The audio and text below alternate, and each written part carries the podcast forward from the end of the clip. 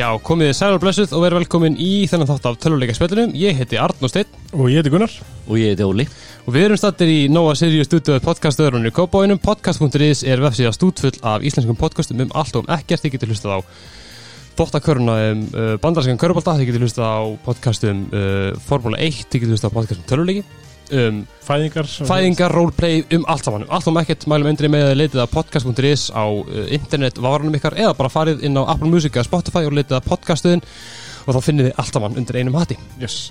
Þess að þetta er náttúrulega búið Elko og náttúrulega Elko er náttúrulega bara miðstuð allra töluleiki vinnanda á landinu Það er náttúrulega finnur allt sem þarf til þess að spila Töluleiki, tölfur, tölvustóla, mís, liklaból, streymisbúna Elko er alltaf málið fyrir allt tölvuleika tengt Og er sko náttúrulega okkar aðal styrsta aðlega við erum náttúrulega endalist þakklandi fyrir þau, fyrir allt sem við gerum fyrir okkur, fyrir leikinn sem látt okkur hafa, fyrir stuðningin og allt saman.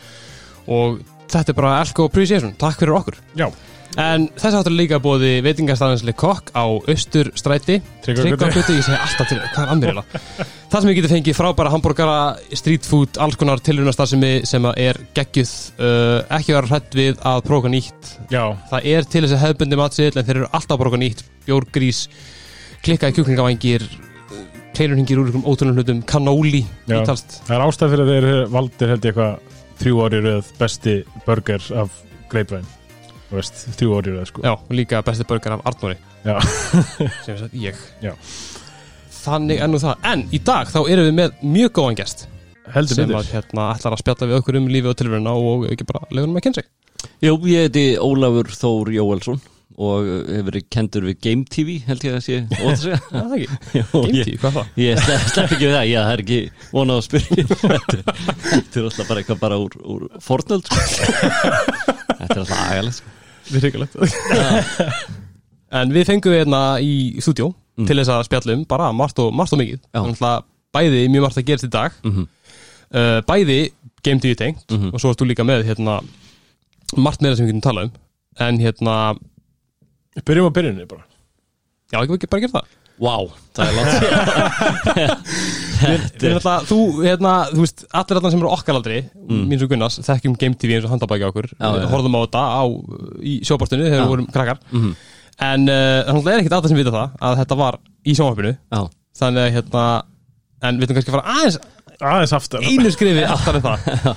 Tölum bara svona um, þú veist, byrjunina, úst, hvernig, úst, hvernig byrjað þú í töluleikum? Hvað eru svona Sko- fyrstu leikin sem þú spilaðir? það er, eh, sko, ég, ég byrjaði, ég fekk fyrstu tölvuna held ég þegar ég var 11 að 12 ára, það var Singles Spectrum uh, með gúmi liklaborði og hérna, það var rosalegt sko, hérna, og spilaði leikið bara í svarkvítu sko, það var hérna, það var, já, ég var með svarkvít sjónvarp og var á sendur í pössun til ömmu og ama og þar var, var svona sérstaklega keift svarkvít sjónvarp fyrir mig. Eða fundið ykkur stöður, ég var ekki eins og hvort það keift það, ég sá aldrei neina kvitanir en hérna, en hérna það, já, það mætti ég alltaf með singlega spektrum töluna bara undir hendinni og, og, og, og pluggaði henni inn á skrifstofu hjá hafa og spilaði í svarkvítu og, og þótti það bara ekki tiltökumál. Og það kannski, þú veist, bara svona dæmi hvað tímanir hafa breyst. Ég er náttúrulega, það er alltaf verið að segja bæði rauðvinn og klukkum og gemtífið sé elsti maður í Evrópu og ég er farin nánast að trúa þið sko. Af því að, af því að ég sko tímanir voru þannig að ég var með Single Spectrum og var með einhverja leiki á kassettum náttúrulega. Jú, jú.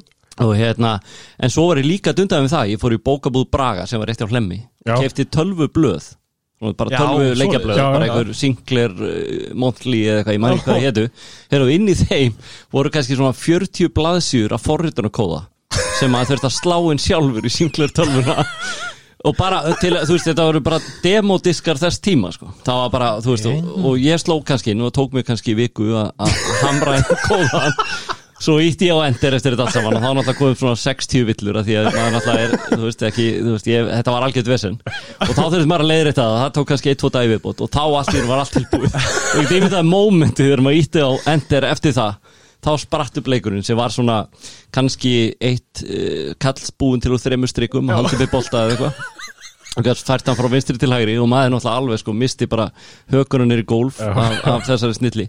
Og þannig voru bara demodiskum, hann lagði þetta á sig til að geta bara komist inn í þetta. Þannig að ef maður var ekki með leikinn sjálfan og þú veist þess að bara gerist í dag, maður er að downloada demo til að testa eitthvað nýtt, Já. Já, þá var maður að slá þetta inn sjálfur. Það var algjör algjör Vesen vinna, bara. bara. algjört vesen. En svona fyrstu leikið því mann eftir sko, ég kifti fyrsta leikið mínu heimilstækjum þetta er alltaf, ég, þetta er alltaf agalt að segja frá þessu, það var eitthvað niður bæ.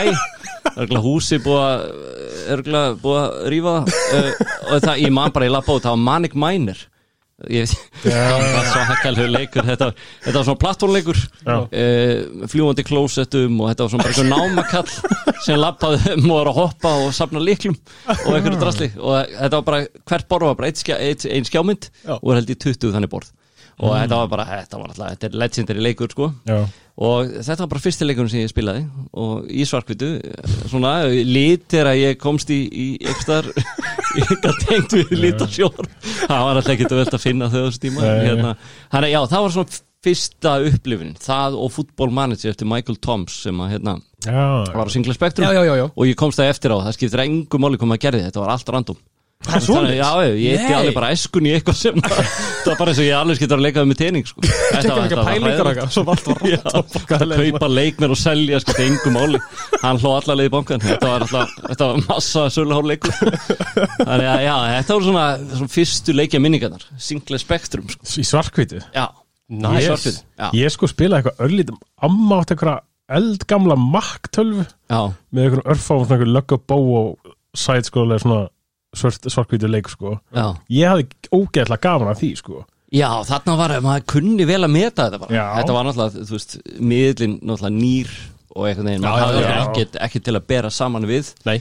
Þetta var bara stórkostlegt, sko. Eitthvað Prince of Persia í svarkvítu Já, hann var einmitt í, í hérna, var á Apple Já. hérna, yfir þessa eldgömlu tölvu Já, hérna, ok. bara fyrstu tölvu, þannig Prince of Persia, side-scrolling Já, hann ég, alveg sérstaklega góður ég, ég sko, þetta var, ég var svo lítill þegar ég var að spila þetta Já. Ég komst aldrei fram hjá fyrsta kallinu sko. Ég vissi ekki hvernig átt að sko ráðast á hann eða eitthvað. Ég er, ég, og, ég, og ég er ekki með alveg Ég er það, úst, bæði aðeins yngri en Gunnar og það er aðeins yngri en Óli Já, Það er hérna Ég var, þú veist Mitt svona leikja tafsvar, þú veist, þegar ég var að spila GTA 2 Já. með frænda mínum á PlayStation 1, sko. Mm. og hann átti ekki, hann átti ekki hérna, save cup, já, þú veist þannig að við vorum alltaf að byrja nýtt. Skilur. þetta var svona, hvað gáttu komast langt á til að mammans, hérna, komast það var nú búið, Ég bara, nei, come on. Bara kom, nýtt. komast aðeins lengra en síðast.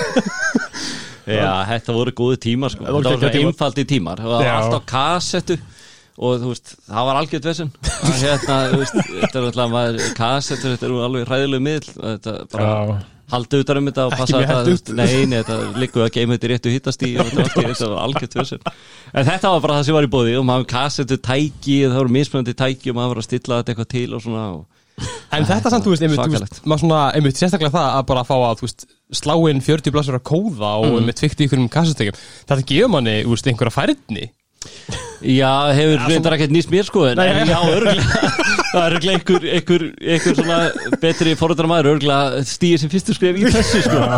Ég er náttúrulega bara, ég, nei, nei, ég tengdi ekki við þetta en, en, en klárlega þetta var þarna þurftur að hafa fyrir hlutunum Já, og þurftir og ég reyndar á tíðanbili kvik, kveikti þetta áhuga minn á að forrita Já. og þú veist, fekk PC vel síðar og þá var maður einhverju C++ eða Basic og öll Já. þessi forritunarmál en þú veist, svo bara eitthvað tók hana við þannig að það endist ekki en, en þetta, ég held að hafi kveikt Já. örgulega áhuga hjá mörgum það er Algjörlega, algjörlega, algjörlega. Þannig að hérna, en þannig að þetta var alveg fyrsta skrifið, var Sinclair Spectrum svo var næsta skrifið, var held ég Commodore 64 já, Klassik. og það var bara fína, bara uppgreitt Mhm. maður fóru held ég átta litum ég held að það hafi verið átta litir í Sinclair Spectrum tölvunni sem gætt spyrt á skjá í einu uh, yfir í 16 held ég á Commodore það var Nice. algjör hátíð sko og hérna og svo, svo fór ég og það var náttúrulega er svipa tölvur þannig sem var bara aðeins flottari það já. kom með diskættu drif þarna ansi Nice. já, það var þetta fáralega flott sko en það var þetta aldrei stórt, eh, tók mikið plás og, og svo, en svo gerist það í fermingagjöf fekk ég fyrstu PC-tölvuna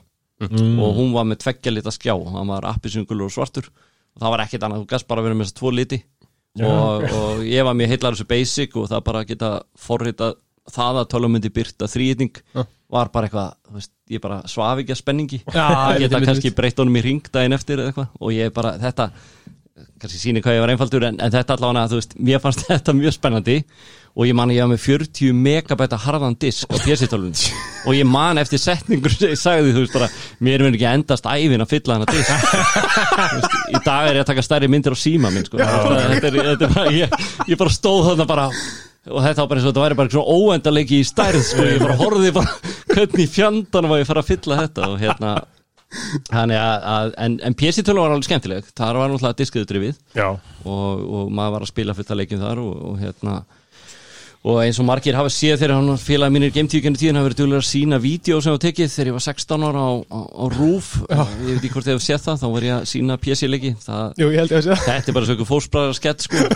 Ykkur hávar klukk alltaf í bakgrunni og ég er lagsafleikur í skýrtu og snjóþögnum buksum að tala með að hræðilega leiki sko. Þetta, þetta, þetta leið bara eins og, og svo röddina mér bara eins og ég hefði bara gleift til í umblöðru þetta var, þetta var bara eitthvað sem ég er að reyna að gleima en, en, en ég á marga sem er að hjálpa mér að það ekki.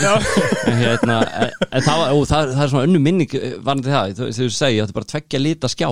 Já, og, og hérna svo sá ég í smáilusingum DFF uh, auglistan skjá sem gætt byrt 16 liti og þá er ég búin að fá mig Vafki akkord sem gætt byrt 16 liti. Já, já. Það var alltaf alveg geggjað. Og ég held bara í alvöru þegar ég fyrir að hugsa það tilbaka ég hef verið að sækja hana skjá bara í eitthvað dópgreini á hverfiskutunni og það var bara að auglýsa og sko skjári þetta var einhverju risibúð eflaust stólið bara Já, ég, ég bara vel að ekki vita Já, hugsaðlega, ég ætla ekki útiloka Heyrðu, það var bara minnsti stíi sem ég séð bara brattur, hann bara, hann bara gjörsanlega hérna, lóðréttur. Og ég, og skjárin er eins og tveir örpiljópar, sko. þetta var svona bara risaskjár og ég náttúrulega hefði getað enda límið þarna, og aldrei náða að fylla 40 megabætin en, en ég burðaðist með þetta niður og var svo heillaður. Ég muni eftir leiknum Lazy Youth Larry eða þeim leikim Já, já, já, það var svona, það var klám þess tíma. Það var, Já, já. það var mjög spennandi. Og það var alveg óviðandi. Ég, veist, ég var svo spenntur með skjáin Já. og Lazy Youth Larry allt í einhvern 16 liti sem að hérna gaf lífið mínu nýja vitir að, og, og ég, var, ég var basically svo spenntur að ég bara þú veist, ég kallaði henn mömmu og hún kom inn og þá var Larry bara með einhverjum tveim konum í einhverjum heitu potti og bara, þú veist, hún bara í alveg, hvað er að gera þetta, veist, þetta var En hann var í 16 litum og það, það, var, var nóg fyrir mig. Þannig að, þannig, að, já, þannig að þetta er svona í stórmið dráttum sem var að gerast. Svona fyrir partin ah, Þetta var geggjað. Já, svona var þetta, þetta var... Þannig að, já, þannig að þetta er svona í fljótu bræði en þetta var þarna, þú veist þetta single spektrum skeið var hann væntalega besta. Og Já. þarna, þarna voru menn bara þarna voru menn rosa mikið að kópera leiki. Þú veist, Já. það var bara, bara á þessum tíma.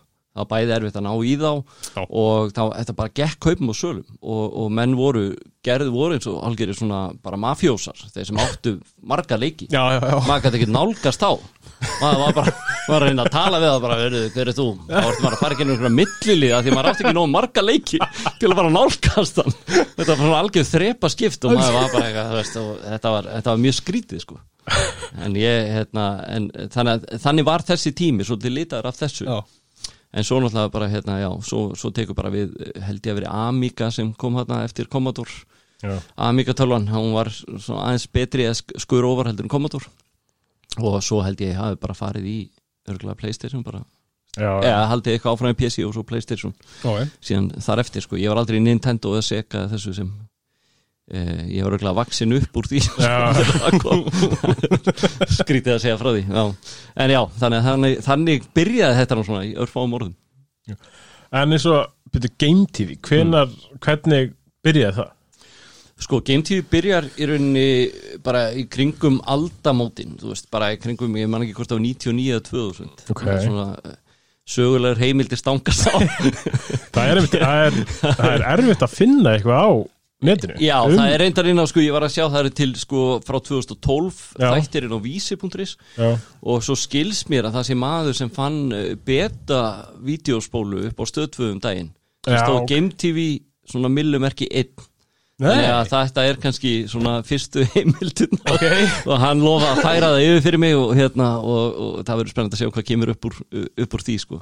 gegga En við byrjuðum allavega þarna já, ég var að vinna hjá uh, Norðurljósum sem var, voru þá með bæði stöð 2 og, og hérna og Pop TV á þessu Já. tíma og ég fer til þeirra með þá hugmynd að, að ég, þá áttu þeir svona koncept sem hétt Game TV, þá var það bara eitt trailer þeir eru bara að já, í svona, þetta var svona filler í dagskráni Já, það var Já. eitthvað vant á milli, þeir voru náttúrulega bara sína tónlistamindbönd og svo með sína þætti.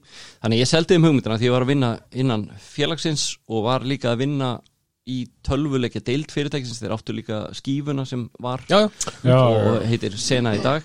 Og, og voru með tölvuleikja deildina þar og ég var að vinna þar og mér all, alltaf dreymt um að vinna í fjölmjölum hann að ég bjó bara til þetta konsept sem var Game TV, hafði búið áður í Danmörku og þar var mikið af svona hérna, þáttum. Mm. og eitt sem heitir Trollspælið held ég sem Já. er ennþá í dag og góðu fréttnar er að sámaður er held ég á sjötugsaldri þannig að ég á nóg eftir. Hérna, og hann er ennþá að.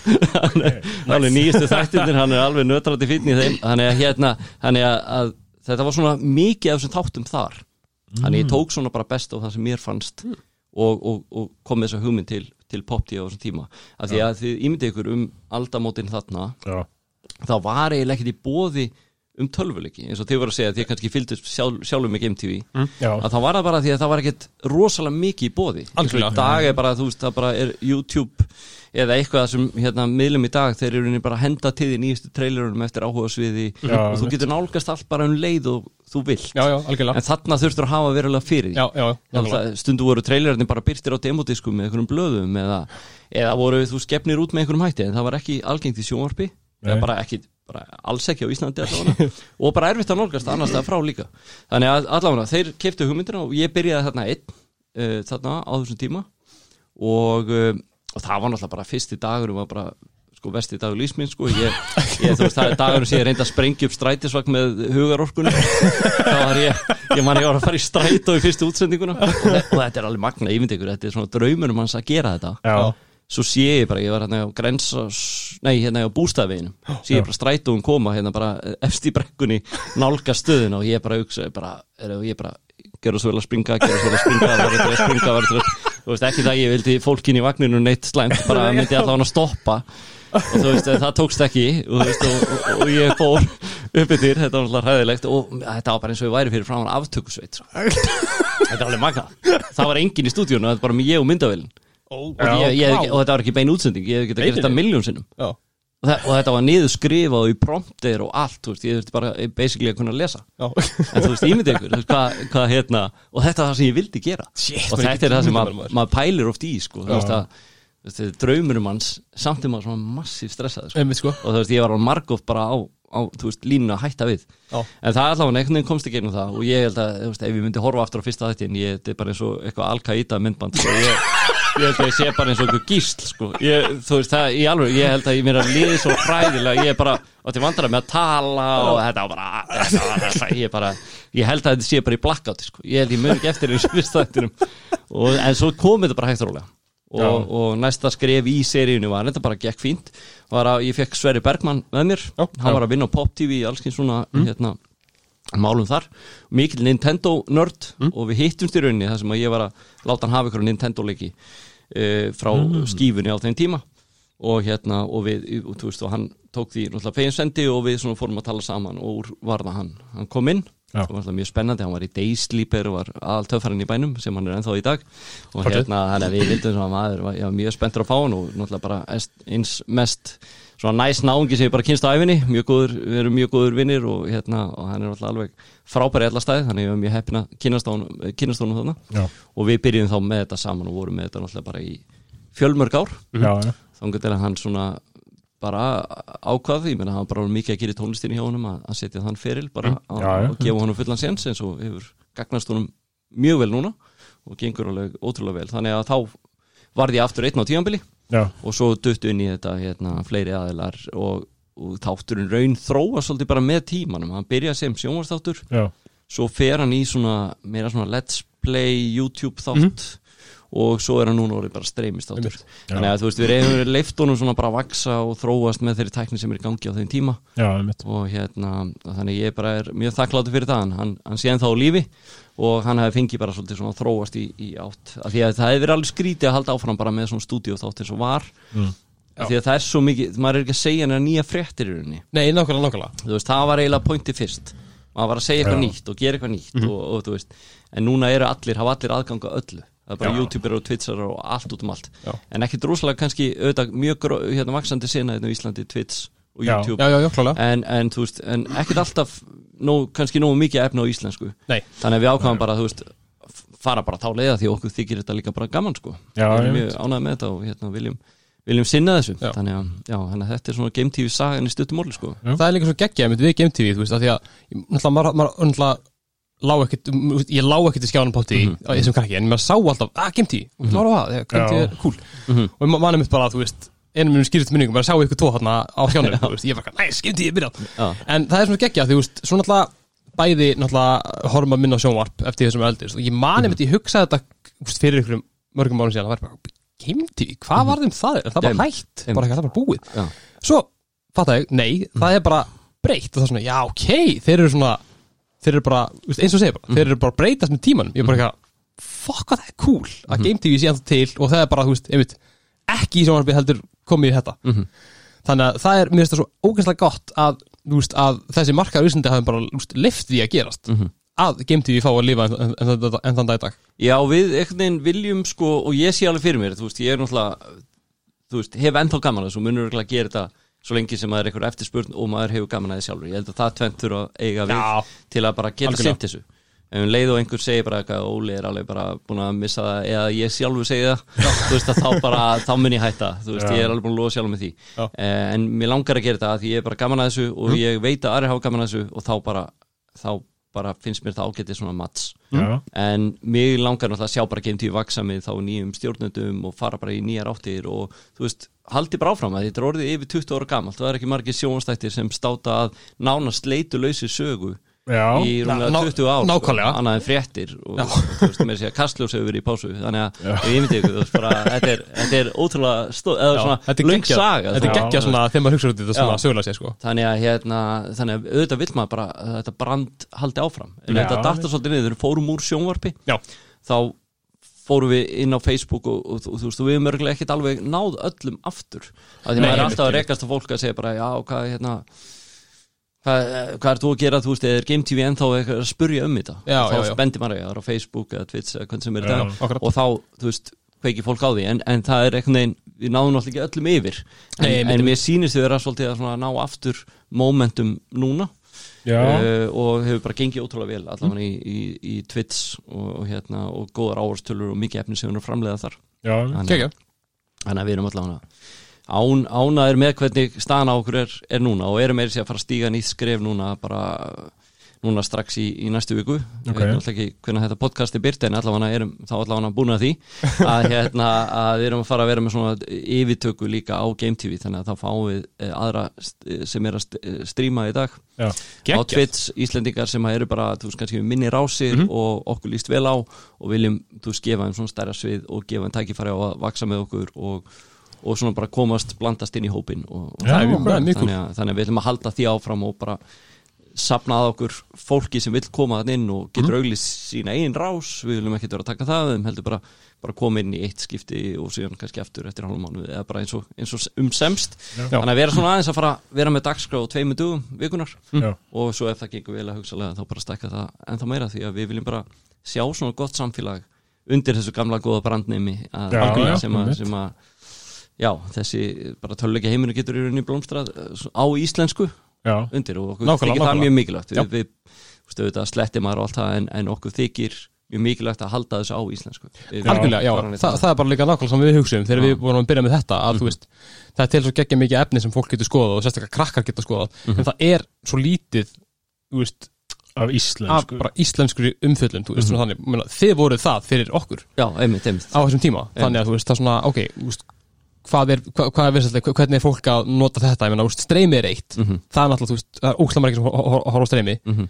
en svo er líka, þú veist fólk líkt rætt og út að ganga og svona. Já, Já. Það er hlusta á, hlusta á. Einmitt, ja, algjörlega, algjörlega. Og það er bara frábært að sjá þess að þróun hvað hefur orðið mikil gróska og breytt bæði í, í svona hlaðvarpi og í, í bara streymis Mhm. uh, hérna, efni á, á Íslandi þannig að maður er bara, það er að velja alveg ótrúlega mikið. Já. Sem bara mjög uh, jákvæð þróun finnst, finnst mér allavega. Já, þetta frelsi að velja hvað þú ætti að horfa á það er klálega framtíðin og það geggja að hafa svo mikið af íslensku efni í bóði Já, Já. það er bara, þetta er, það er verið framtíðin bara, hella, sko. algjörlega. En ein svona, ein svona hliðar spurning Já, hérna, að því einmitt sko uh, þú ert ennþá á fullu í þessu í dag Já. og þetta er alltaf tölvuleika með það. Mhm. og við erum búin að tala svolítið mikið um það í nokkur þáttum að þú veist, þegar við vorum strákar að spila tölvuleiki, þá var það svona hvaða auðmingir eru þið að spila tölvuleiki? Hvað er að Já, ykkur, eitthvað? Svona, já. þú veist. Og það er svona stimpil á sig. Já, Já. algjörlega.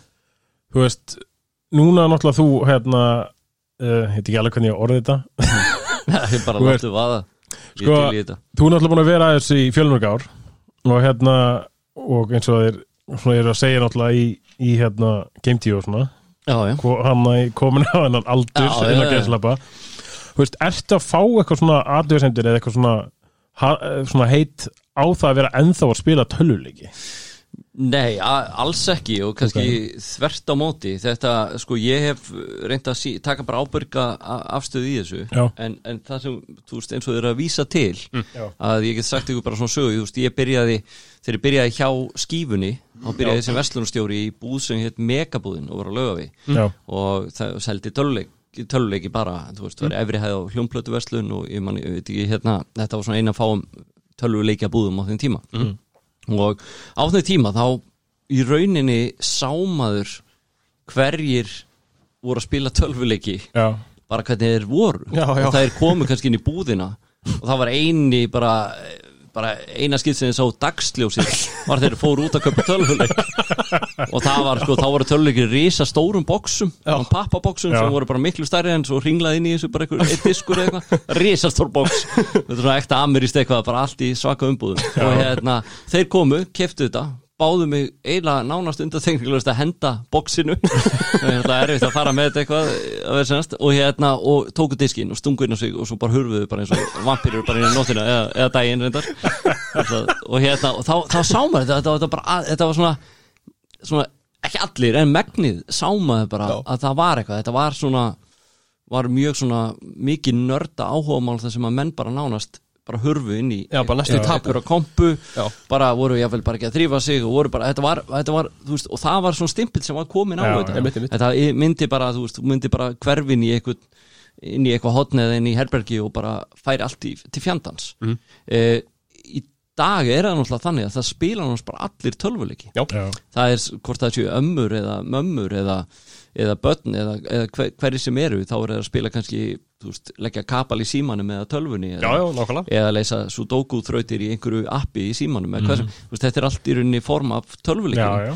og, og fólk sem segir mér ég spila aldrei tölvuleiki það er kannski er að, að, að hérna, var á sínu tíma að spila Snake á sama tíma í Nokia sínum. Þannig að, það, veist, þetta er fara að snerta svo marga. Já. og, og það sem ég hef alltaf reynd að gera og þú veist tala um svona að fá eitthvað heita við ennþá að spila já, að ég hef svona reynd bara að sína nokkuð ábyrga afstöðu í spilun yfir höfuð og þetta hefur maður átt mörg tímabila sem maður algjörlega mist sig Já, spila alltaf mikið og allt það og það er náttúrulega kemur niður á bara fólkinu sem er í kringum hann Mm. og maður svona reynir að balansera þetta bara eh, Já, já. fyrir sig Mhm. þannig ég held að það skipti mjög miklu máli og, og ég hef séð að ég hef verið að starfa starfaði sem og hef verið að starfa sem Dale Carnegie þjálfari Já. að þjálfa úlinga Mhm. og þá sér maður líka veist, að veist, þetta snýst rosalega mikið um að ná bara að hafa jafnvægi Mhm. að Já. tölvu og, og það er svona stimpil sem er svolítið komin á tölvuleiki núna að það er lægi að spila á svo lengi sem allt annað er í lægi og, Já. og Já. segjum til dæmis að úst, bara fín samskipti við vini og fjölskyldu uh,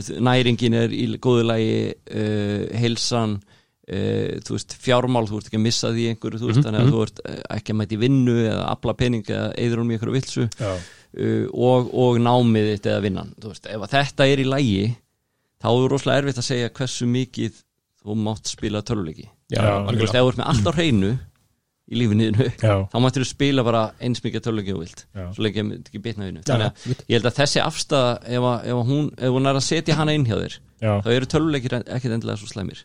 Nei, og, ekki. og ég hef reyndi eiginlega að, að predikara þá. Ég held líka bara kynnslón sem er að vaksa upp eins og bara fólk aldur við mig já, og kannski tíu árum yngra að það er líka bara að fara að eignast sitt heimili og sína fjölskyldu og hefur aldrei alistu fyrir neitt annað en töluleiki þannig að þeim þykir bara eðlilegt já, já, eins og horfa á sjónvarp á töluleiki og ég man bara eins og fóreldra mínu þegar ég var þetta, þú veist kannski 13-14 ára eitthvað svona, 15 að þá voru þau alltaf að segja þú veist, þú veist alltaf að spila þessa tölvuleika vittlesu sögðu það bæði sitjandi í sófanum að horfa á Dallas eða einhverja sábóperu sko, sem að er náttúrulega bara eins mikið ruslalíkt af og, og hægt er sko, þannig, þannig að þú veist, en það var viðurkent bara, já, viðurkent að horfa á sjónvarp. Já, já, en það verður tölvuleik sem í, svona, kannski í, í, í grunninn er svipað. Já. en þá voru þið bara með mjög mikið bad rap uh, törfuleikir en þeir eru svona að rísa upp úr þeirri öskustó sem betur fyrr Já, já, og er að ná svona vopnum sínum. Og maður sér, þú veist, bara fólk koma. Og ég uh, hérna, nefndi ykkur fyrir podcast ég er að reyka hérna svona síndiveruleika svona leiki upp í smárabjó og þar eru bara, var gær til dæmis og bara uh, amma með síni sínum sem var fimm ára. Amman og sonurinn tóku fóru inn í leik þau voru ekkert að klára neðan þannig. Nei, nei, nei, þau voru bara bæði ótrúlega heitlu að vera inn í þessum heimi og voru ekkert að fordæma þetta og fannst þetta gott. Og svo að, var önnur þarna amma sem finnst bara gott þegar eldri kynnslóðin er að grípa þetta. Já. og barnaböðu sem erum líka með rafíþróttasvæði þarna í Smárabí og Já. var að koma með þar að spila Fortnite kannski meðan hún var að, að versla eða, eða gera annað. og henni fannst það svo gott að þau gætu verið þarna í þessu Já, já. af því að Anna var að byrja að æfa rafíþróttir.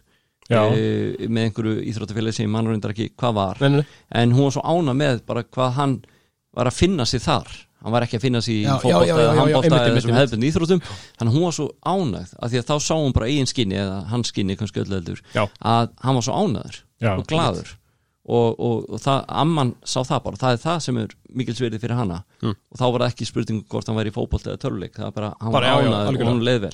Já, þannig að, skilji, að þetta er svona að koma mjög hratt og ég er mjög, mjög, mjög bara ánægður með þá þróun.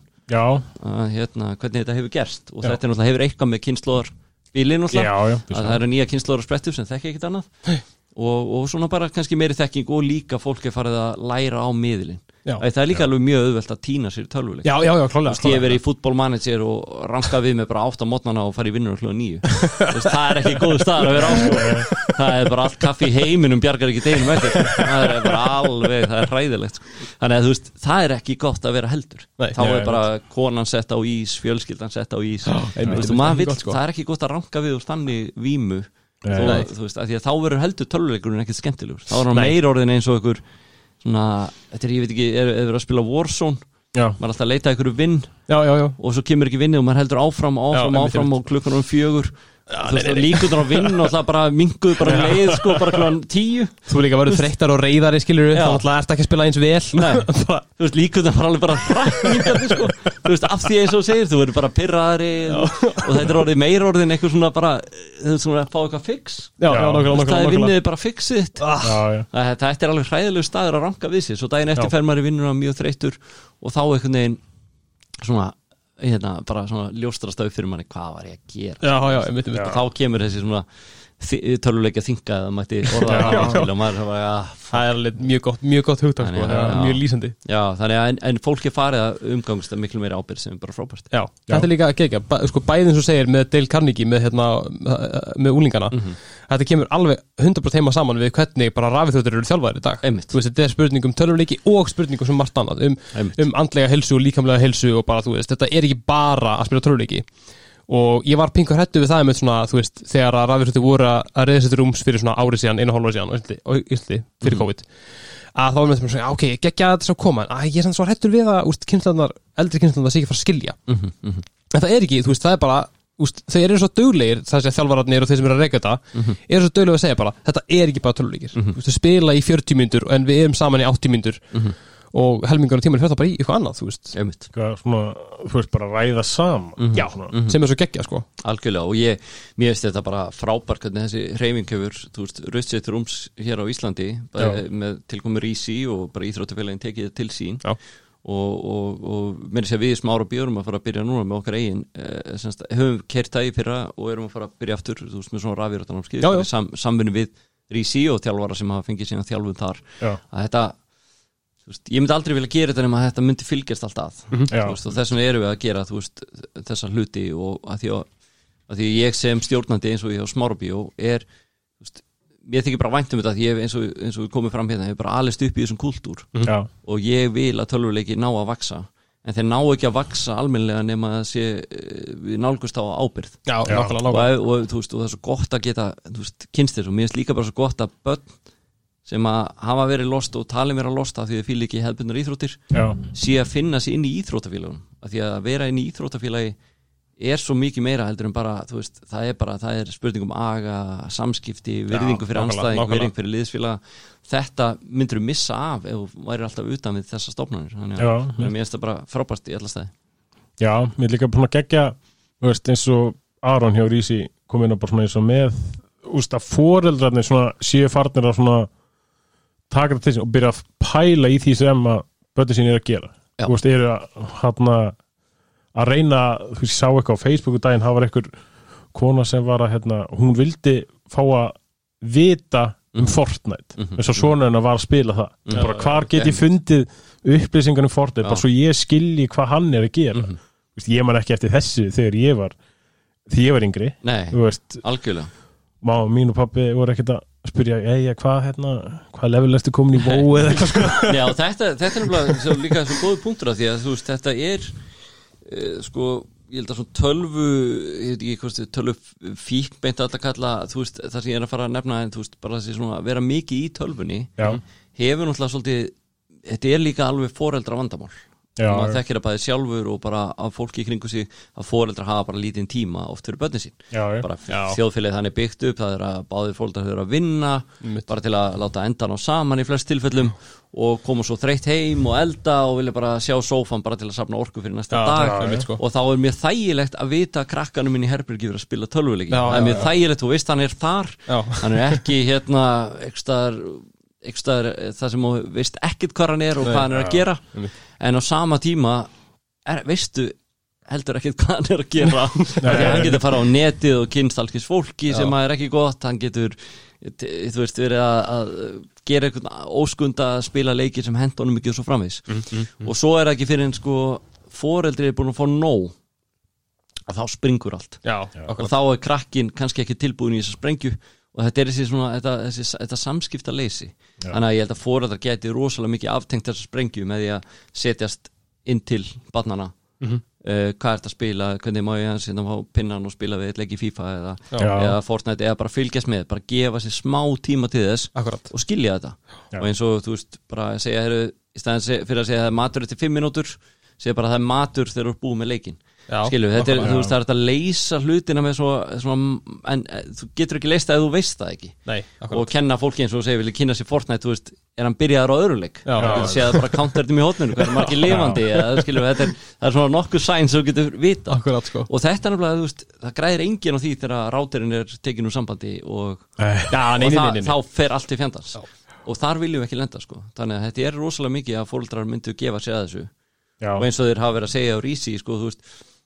að að þessu að uh, fótboltastrákurinn sem er í bara öliði hann er, hann er, hann er það lélugur hann fær alla aðtegli fólkta sína en, en sískinið sem er mjög framalega í rafíðróttum það bara, eh, hvað rugl þetta er eitthvað töluleikja vissin eða skilji, þetta er oft viðþorfið Akkurat sko. Þú veist, þannig að þú alveg bara, þú mætir alla leiki á öliðinu en rafíðrótt, já, þetta er bara eitthvað þetta er eitthvað að kæfta, þetta er eitthvað töluleikir. Já, mitt Hvað að leika sér. Já, þetta er bara leik Og þetta er alveg viðþóru En sem betur verður þetta hratt að breytast. Og Ég Já, er bara mjög- mjög gaman að fylgjast með því. Þetta er svona, þetta er svona, þú veist, þetta er að breytast það hratt að maður svona næstu tegur ekki eftir því. Já, já, Af því, já, þú veist, einn, eina vikuna það uh, heyrir maður eitthvað sögu að bara eitthvað, já, ég er að koma í gegnum þú veist, ég er að spila eitthvað Fortnite competitive en bara ég get ekki út af mömmu. Og svo bara, þú veist, þrem dögum síðan bara, herri, ég er bara, þú veist, mamma ætla bara að styrkja mig og ég er bara komin bara með trey og lið og maður bara svona, já, þú veist, það er bara, þú veist, þetta er að gera svo ógæslega hratt, bara eins og allt er að gera hratt í dag. Já þú veist hvað tölvuríkir er að vera vinsælir og hvað hérna, deildirnar er að spretta upp og hvernig Rísi er að koma sér inn í allt saman. Mhm. þú veist, og það er svona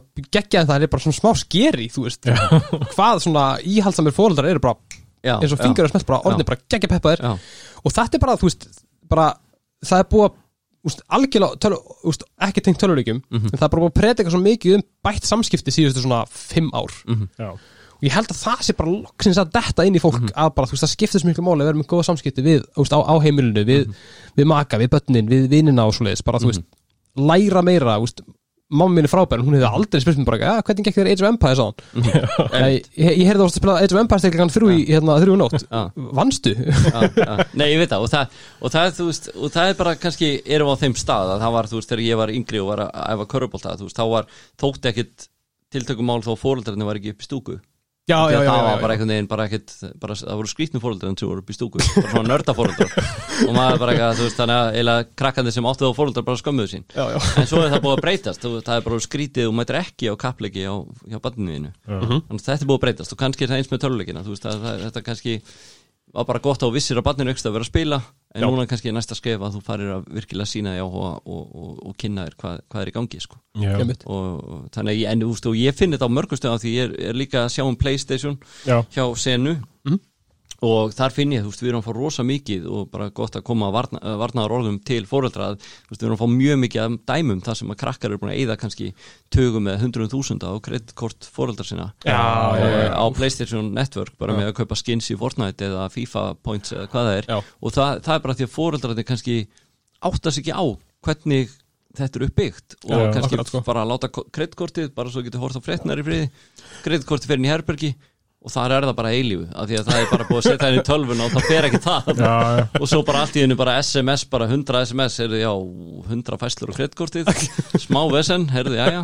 Þar fór hálf miljón og, þú veist, og, það, og það er alveg tölu sem við heyrum sko. En það þú er veist- alveg magna Er eitthvað hægt að, þú veist fá þetta tilbaka, geta Já, geta fólk það er, það er hægt, það er auðvitað hérna reynir Sony stundum að snúsa út í en, en stór hluta mínu starfi er að einmitt að hjálpa fólki með netvandamál. Við reynda rekum ekki nettjónustuna heldur við Sony í Bretlandi Já. en við, við komum fólki í sambandi við það. Já. og það er oft hægt að ná þessu tilbaka. Já, en auðvitað, þú getur alltaf náðu tilbaka með að bara láta loka kortinu og fá endurgreitt frá bankanum.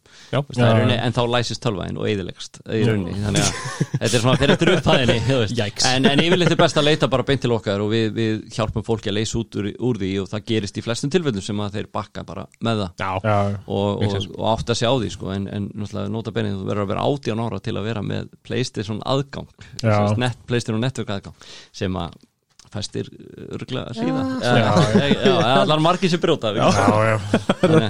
ekki og með þessum oft afleiðingum. Ég veit sko. Já, þetta er, þetta er, þetta er kúlmaður Já, Já. þannig að Uh, bara Playstation 5 Já, er þetta bara þetta er stærsta bara Playstation sala sem hefur nokkuð verið ekki?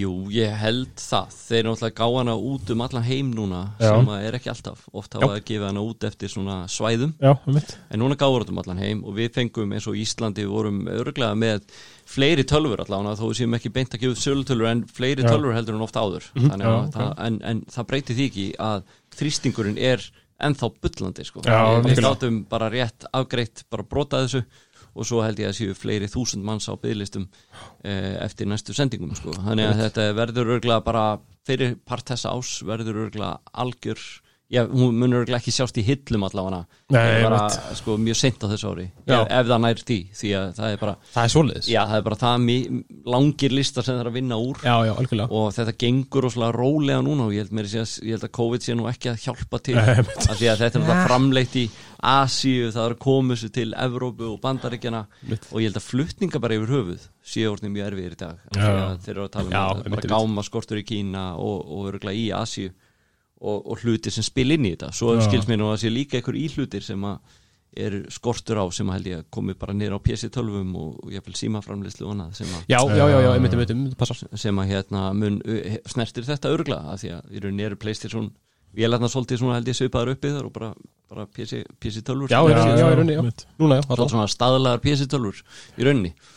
Þannig að hérna, en, en þetta er búið að vera ótrúlega vinsælt og, og þú veist, gaman að fara gegnum þetta ein, eina rundina en kannski leiðilt að geta ekki þú veist, látið alla hafa. Já, Ég- auðvitað, auðvitað maður. En, en, en, en allavega við vitum að það er, er mikill spenningur í kringum þetta og fólk, fólk hérna, já, er tilbúið að fórna ymsu fyrir, fyrir mér.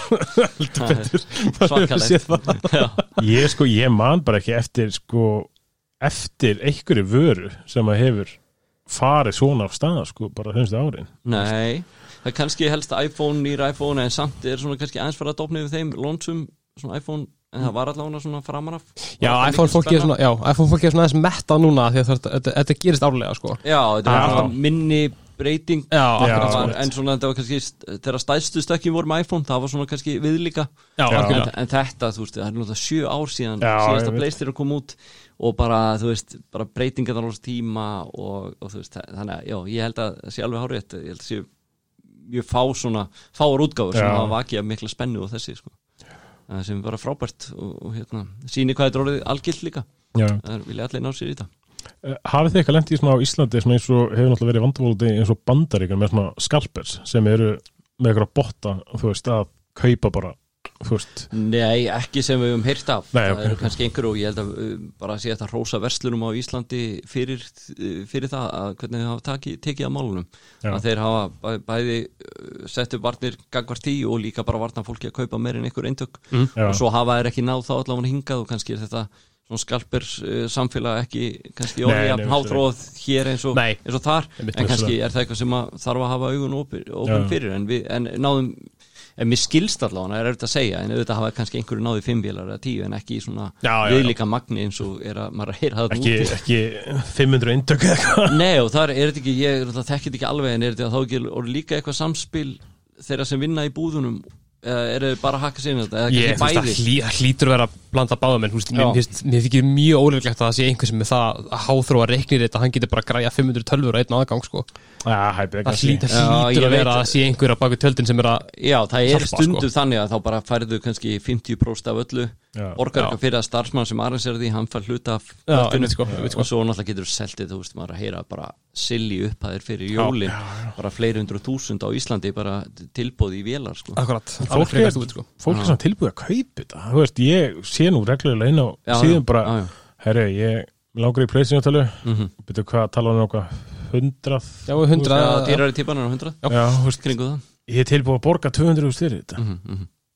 Þetta er geðið ekki, sko. Já þetta, er, þetta bara sýnir hvað þetta er orðið orðið svakalegt sko. Mér langar að sjá gæjan sem er að spila bara, þú veist, er að spila hérna, eh, þú veist, hérna Demon Souls, hérna Já. remakeið. Sér þetta, Já, off. Sælur nákvæmlega. Það er Það er alltaf bara pyrrand að spila Dímo Souls þannig að maður bara selja hann ég, einar og ég tók mjög lilla dæmi Já, hann er er þið búin að spila hann eða? Sko, ég, náttúrulega- ég, ég hef prófað hann, en það var ekki náttúrulega PlayStation 5 og ég, þú veist, ég ég verð að spila hann á PlayStation 5 bara til að sjá hvernig þetta er, sko, en ég, þetta var eitthvað ykkur verstu minningar lífsmins að spila hann, fokkin leik, Það sko er svo erfiði leikir sko, maður er alveg verður trilltur sko. Já, Þannig að, hérna, já, já, það er eitthvað þannig. Ekki lægi, sko. Já. En það er allavega, allavega, já, ver, verður eitthvað takmarkað frambóð þessu örgla út árið myndi ég held að. Já, já, maður maður sér það að, allan, maður sér það minna við að posta á brásköprall og svona, þannig að ég held að fólk sé búið að setja sig við það, sko. Já, Þetta eru bara frekar, bara, úst, stjarnfræðilega kringumstæði sem er í gangi í, heim, í heiminum Já, einmitt. Ég held að fólk sé bara svona að set- setja sig við það Já, Já, ég, já, já. Úst, ég ætla bara að chilla ég, já, Já, já. Og það er svo sem alveg, ég meina, það eru náttúrulega mjög margir góði leikir á PlayStation 4 sem að, semst, þú veist, þeir eru svona kynslu og skipti. Að, Þú Já. veist, PlayStation 4 leikin svo Last of Us 2 já, já, já, já, og nákvæmlega. svona síðustu leikinir, hérna, Ghost of Tsushima og þessi leikir eru mjög flottir á PlayStation 4. Það er mest bara mjög margi góði leikir sem kom í restina. Eh, PlayStation 5 er náttúrulega að stíga sem fyrstu skref og þetta er mikill munur, maður sér eh, mikið mun á leikinum og stýripinnin og allt þetta. Mm.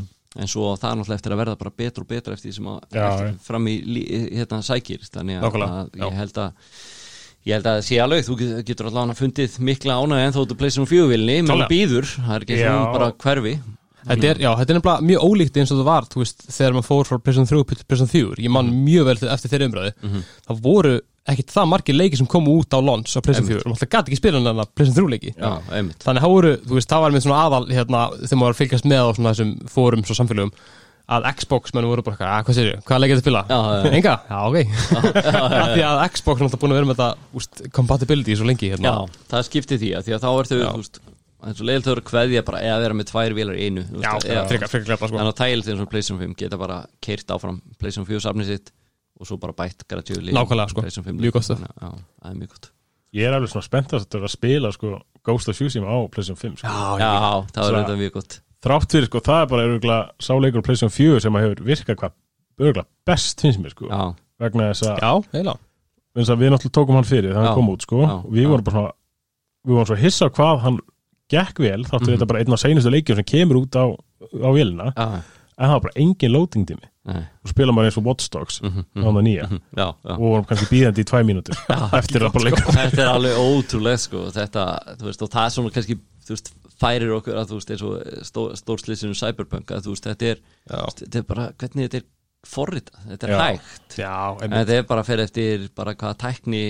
þú býrði yfir og hvaða forritar þú hefur og svo. Já. þess að þú sjáu þá með Cyberpunk að búið sinni einn grafíkvél og fara vinna í einhverju sem að hefur náttúrulega bara alveg þú veist, hefur verið bara eins og keira leikin á vegg. Alveg hræðilegt sko. að þá ertu með, sko, ertu með þennan leik á sama tíma. Já.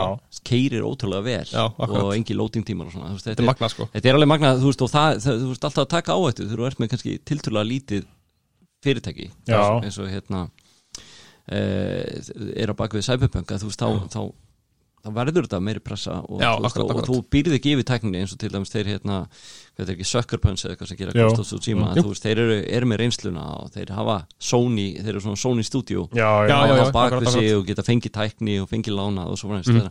þannig að þetta er, það munar svo mikið um þetta og það er það sem ég Sony gera svo vel þú veist, bara leikinir hjá þeim eru góðir sko. Já. Um, Já, algjörlega. all flestir, ég var að klára God of War bara í fyrst skipti núna, Já. spila hann á Playstation 5, uh, þú veist mikill God of War, War fan en bara einhvern veginn náðu ekki að klára hann. Það er gallið að vera í þessum bransa sem ég er í. Það er svo margi leiki sem maður fær í hendurnar og þarf að vera að dæma eða prófa og maður, sko. þess að er ég ekki góður í neinu leik. Ég er bara, bara meðal slæmur í þeim öllum. En, hérna, en það, það var geggjaða leikur til dæmis. Og bara, veist, þá sá maður bara hvað er, eru, hvað er, eru góðir. Já. Já. Þetta er, þetta er annar, þetta er annar gæðasnimpil Já. Þegar maður sér Sony að skjánum þá bara, ok, þetta var er God of War. Spiderman, hérna, maður. Og allir þessi leiki sem eru undir þessu Sony hatti þetta, þeir eru bara okkur, þeir eru bara okkur, öðru leveli okkur öðrum gæðastimpli. Mhm. og þetta er bara, þetta er bara önnur upplifun. Já, heldur en margir eru að leiki, sko. Já, þeir eru með metna fyrir þessu. Já, og gerir þetta vel. Og mér finnst þetta þeir ná svona kannski að taka svolítið Microsoft fram þar þó Microsoft eigi sín hérna, IP og geri marga hluti vel um mitt, að þá held ég að Sony sé að gera þetta bara markvælt starri level með þessa exclusive leiki algjörlega, þeir gera það mjög vel en Microsoft gerir margt vel en, en þeir eru miklu meiri fjölbreyttari leiki Já, já, og meiri flóru heldur en þeir. Einmitt. veist, þeir eru með Gears of War kannski og Halo sem eru báðið svona sögum sama flokki nánast. Já, já, já, svo ertu með, þú veist, þú ert með God of War með Last of Us, kannski svipaði leikir en samt svona algjörlega ólík svona já, subject. nákvæmlega. Og svo ertu með, þú veist, Ghost of Tsushima og með, ég bara leikina sem er að gera ekki um tíðina, þeir eru ofta að taka áhættur Já. Þannig að mér finnst þeir, mér finnst þeir gera það vel sko. já, klára Spurning svona hvernig er svona eins og svo við rættum þetta nú í Xbox þættum okkar Mhm. þegar við tókum nýju Xbox aðeins og við rættum hana sko Mhm. Ætla, núna Microsoft að kaupa bara öll þessi stúdíu Mhm. og þetta keifti Bethesda Mhm. veist, það er spurning hvernig þetta er eftir að verða núna bara, mm Mhm. -hmm. hvort erum síðan fór að sjá eitthvað Fallout, veist, mm -hmm. hæpi kannski að vera exclusive Ja, endalust Mhm, mhm, en veist, kannski í eitthvað tíma þá bara, herri, þetta er bara Xbox exclusive mhm.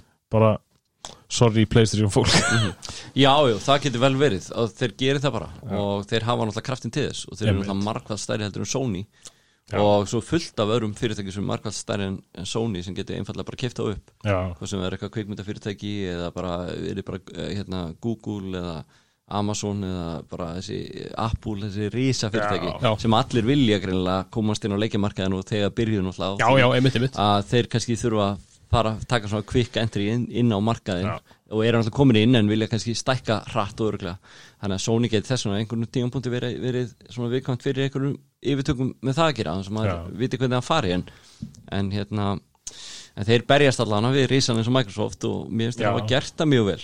En Microsoft hafa alltaf verið þannig, bara kaupa já, já, það er rétt. Og þeir hafa alltaf gert það, þeir hafa bara gert það á fyrstu Microsoft tölvu, þeir bara kaupa hlutina. Já, þeir eru aldrei að gera þetta mikið sjálfin þeir bara innlima stúdíu en að meðan Sony er búin að búa til eitthvað know-how og geta nýtt sér það og gert það að þá, það, mér finnst, það er bara annar bragur á þeim.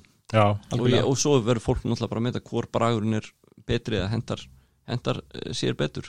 En, en mér finnst svona önnu stemming yfir þeim en Microsoft. Þeir bara eru, eh, langar í þetta, ég ætla að kaupa það. Og, og það er bara eitthvað og þeir bara fá það, Já. þeir eiga bara allan pening í heiminum. Já, það er ekki hægt að stoppa þannig að þetta er, þetta er svolítið magna. Íslandingar hafa náttúrulega alltaf aðeins hallast meira að Playstation. Já, ég held að bara, sko, markas hlutdeildin séu örgulega bara, þú veist, ef við tökum þessa tvær, þessi tvö brönd, sko, Playstation og Xbox, ég held séu örgulega 90-10% sko, Já, það makes sense. eða 95 eða eitthvað, sko, og ástæðan er bara svo að það er ekki að Nei, nei, það er rétt. Þannig að hún er, eh, þú veist, ég held allar Xbox-vélar er, hafa ekki verið lonsa offisíali á Íslandi, Nei. þannig að, en, en á sama tíma kemur Sony og er búin að appointa senu í að sjá um sín mál já, og veit okkur markastöning og standa bak við okkur og gera allt fyrir okkur. Mhm. við þjá, sjáum alltaf þjónustu þannig ef að bílar Playstation veliðin þá er hann bara skipt út og það er ekkert vesen. Já, en Xboxin þannig veist held ég að senda hann til Danmörkur hún kemur kannski eftir fjóra til fimm vikur eða sex vikur eða eitthvað. Og það er bara, bara þessi þáttur Já, það, það gerir það verkum að þú hallast meira í aðra áttina. Spila rosalega mikið hlu- hlu- hluta sko. Já, það er leiðilegt að vera bara tölvuleys í sex vikur Já, af því að já. tölvulegin bilar. Stæðan fyrir að geta bara farið og bara á sam, samdægus bara skiptin út. Og það, ég held að það skiptir miklu máli sér þjónusta.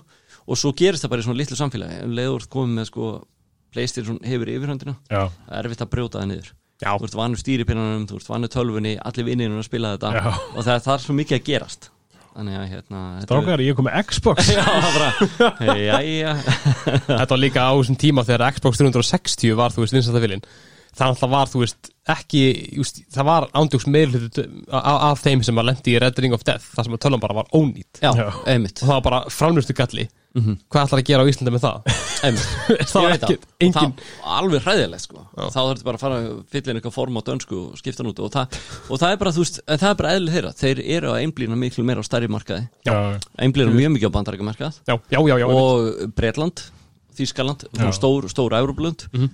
Og svo hafa þær ekki, þú veist, hafa svona látið lítið lönd í Európu Mhm. og Asíu svona kannski aðeins minna, þú veist, Já, já. sig varða en Já. hafa reynt náttúrulega aðeins meira að gera allan á Asíu upp bara, þú veist, gegn Sony og Nintendo já, og en, en þessi litlu Európlönd hafa Já. svona meira minna leiði á milli hluta hérna Já, finnst ég að minnast á bandaríkin sko því að mm, ég horfði mjög mikið á svona, einmitt svona tölvuríkja channels á YouTube Mhm.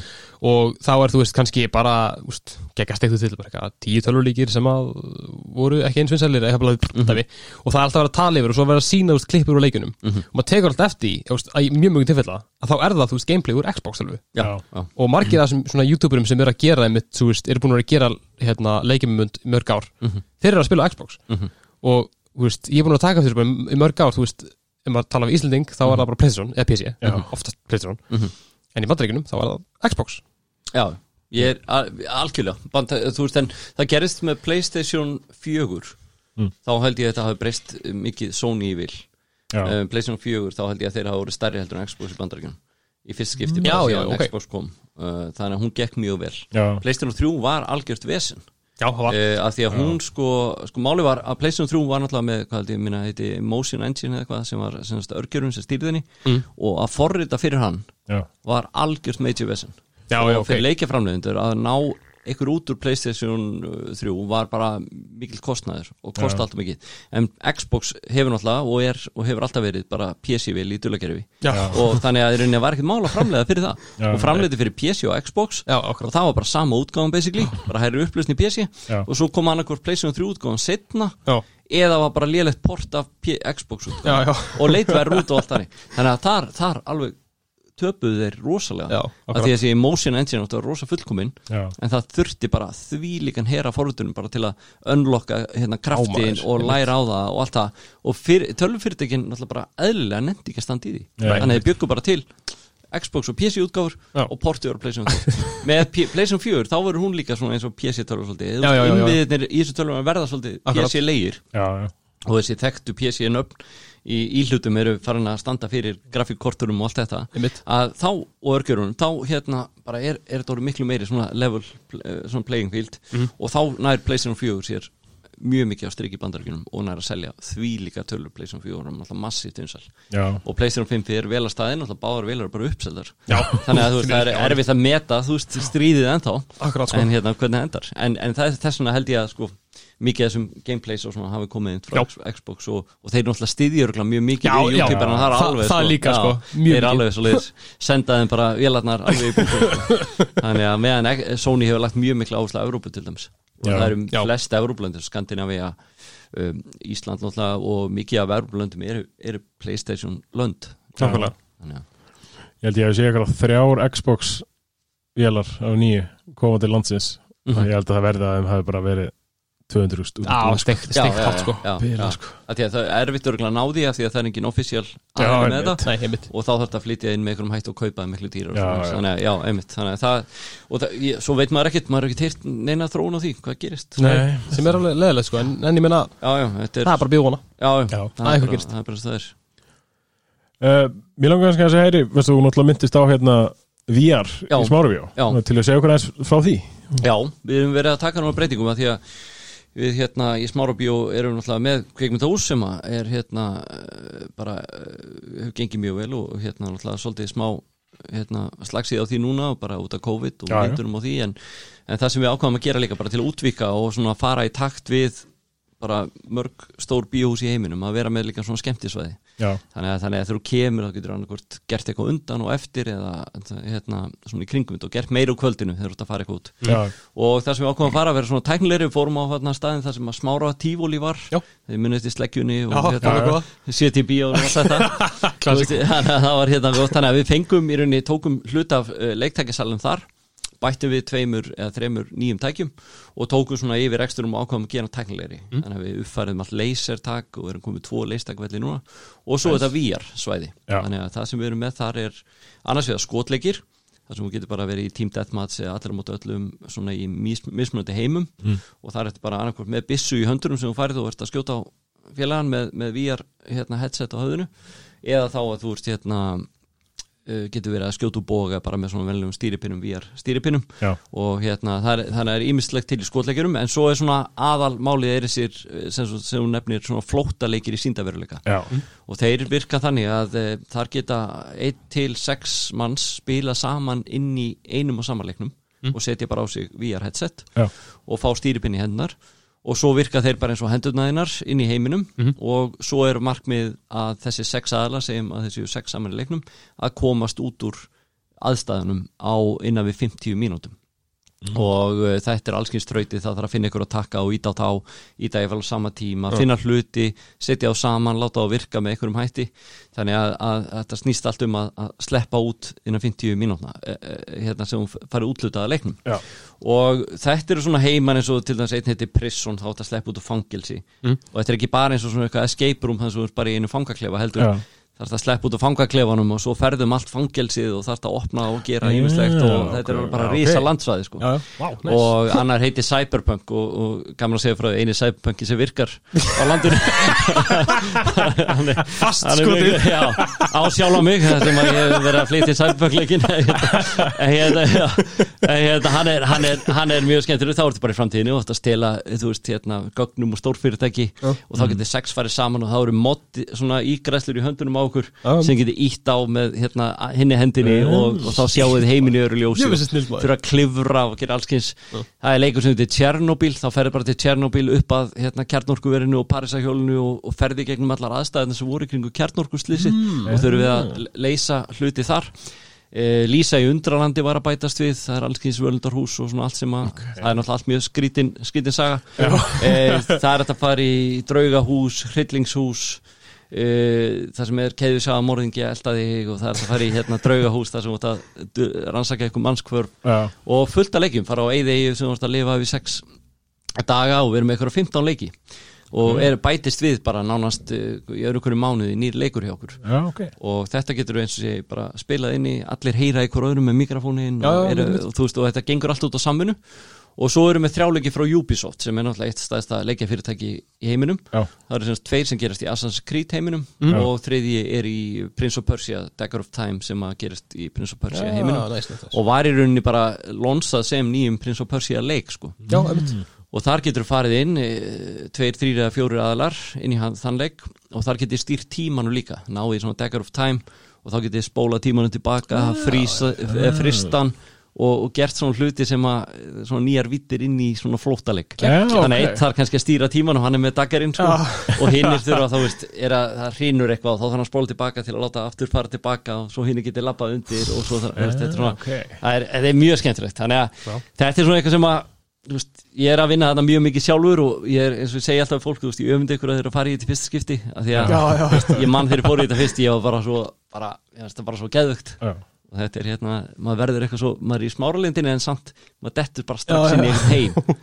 Og maður er að klifur á að vera loftrættur og maður sé fólk bara kikna í njáliðunum og bara detta á í gólfi hjá okkur, sko, bara, ég bara er rólega úr í smáralind þannig að það, veist, en það, það gerist. Þetta er bara það raunverulegt. Já, þetta er, þetta er það. Og fólk bara þóru ekki bara verður, það þóru ekki að hreyfa sig af því að það er bara þvernýpt niður Þetta er mjög gaman. Þannig að, hérna, það, þannig að þú veist, þetta er svona ein leiðin fyrir mig líka að fá útrás í tölvuleikum já, að, að vera að stýra þessu og, og leiða fólki inn í þetta. Og þetta er kannski bara hluta því sem maður er að gera alltaf vera að kynna töluleiki fyrir fólki Já. og, og maður finnur sér alltaf einhverja nýja leiði það og nú er það að taka móti fólki í, í flóttaleiki síndaveruleika sko. en þetta hefur gengið að vilja, við erum jafnvel að hugsa um að stækka. Við erum með átta, átta hjálma núna og, eða svona headset og, og við lítum bara fram á að við þurfum jafnvel að bara stækka þetta verið þvílíkt vinsalt og, Já. og fólk sem kemur í þetta það segir ekki bara, já þetta var gaman það segir bara, þetta var geggja, ég er að fara aftur hvaða leika við taka næst? Já, já, já. það, er bara, það er bara 99% af viðbröðunum þannig að, þannig að þið þurfum endilega að mæta og, og prófa þetta. Já, 100% ekki spurning. Ég er bara ógæslega peppaði sko. Já, Til í það. þannig, að, þannig að þar, þar elum maður mannin þess staðan í, í síndaveruleika ég er búin að flýja þannig þetta er komið gott.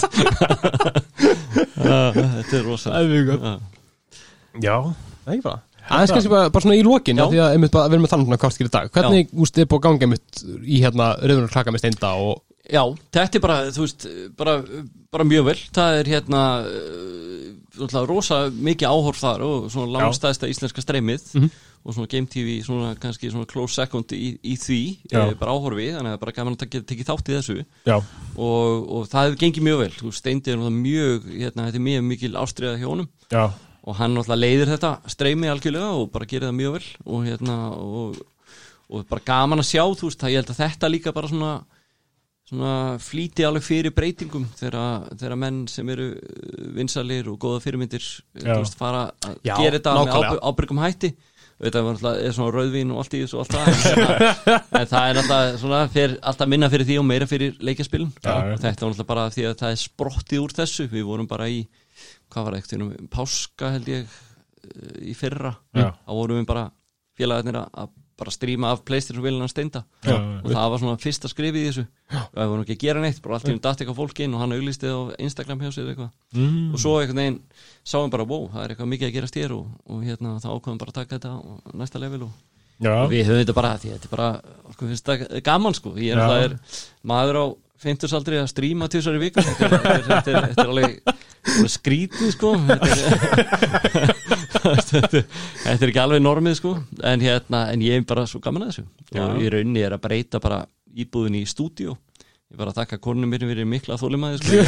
ég er með fjagra permetra bakgrunn sko, eitthvað svona Game TV logo bakgrunn sem ég er að setja upp í stofunni sko. þetta er náttúrulega ekki hægt sko. þetta er risastórt og hérna, það er alltaf bara aðgerð heima sko. Svo bara, þetta er, þetta er, þetta er, þetta er sérstætt en, en virkilega gaman að, og gaman líka bara að sjá hvað fólk er aktíft og tjattir jákvætt Já, og, og þetta er bara svona gefur manni bara að trúa, þetta er bara nýr miðill og bara gaman að- vinna með það og, og ég sagði svona rauðvin og klakar og Game TV svona, svona algjör svona sýstur streymi. Já, já, og, og erum svona bara að styðja við baki á hvort öru og, og, og, reyna bara að hjálpa líka restina markaðurum að vaksa Mm. þú veist, við viljum bara sjá íslenska streymara bara blómstra og, gera góða hluti. Þannig að, að við erum með fegnir að þetta fara að fá aðtegli því að leiðu já. að fara eitthvað aðtegli og gera það vel þá, þá fær fólk trú á því og fyrir að gera þetta. Og, og við sjáum það líka bara þú veist, sala á mikrofónum headsetum, myndavillum Já. þetta er alltaf að rjúka upp og, þú, þú spyrð spyrð krakka í dag, þú veist, hvað ætlar að vera þú veist, hún stór, það er, bara, það er ekki lengur flugmaður eða, eða, eitthvað þannig, það er bara eitthvað strímari eða, þú veist, eða, þú veist eða, aðturum að rafíþrótum þetta eru bara geðvegt, þetta er bara Já. fínt og, og margir að stíða sér fyrstu skref og Nákvæmlega. bara, mér finnst það bara ekki nema jákvæmt bara geggjur þróun. Já. Samanlega Já, Það er ekki bara. Ég held það sko. Já, ég er bara held að ég vonandi búin að tæma bara úr öllu þetta Já, ég held það. Þetta er Já. Þetta búið að gegja Við hérna bara Ef það er ekkert ósagt Nei, ég, Þá ég er bara ekki hérna með Nei. Þetta búið að gegja Bara Já. við þökkum alveg Kjallega Fyrir að fá þig. Já, bara takk hérlega fyrir mig. Í gott spjall Og við kannski hérna Hérna Þú ert alltaf velkomin til að kíkja til ykkur já, bara hvena sem er, ég er alltaf til. Til að gerast. En hérna við þá allavega kveima sinni, þökkum á hlustið og þið haldið áfram að vera frábær og senda okkur skilabóð ef það er einhvað sem við viljum spjallum eða bara whatever. Já. Og þökkum Óla aftur kjærlega fyrir komuna. Takk fyrir mig. Og við sjáumst næst. Já, takk fyrir okkur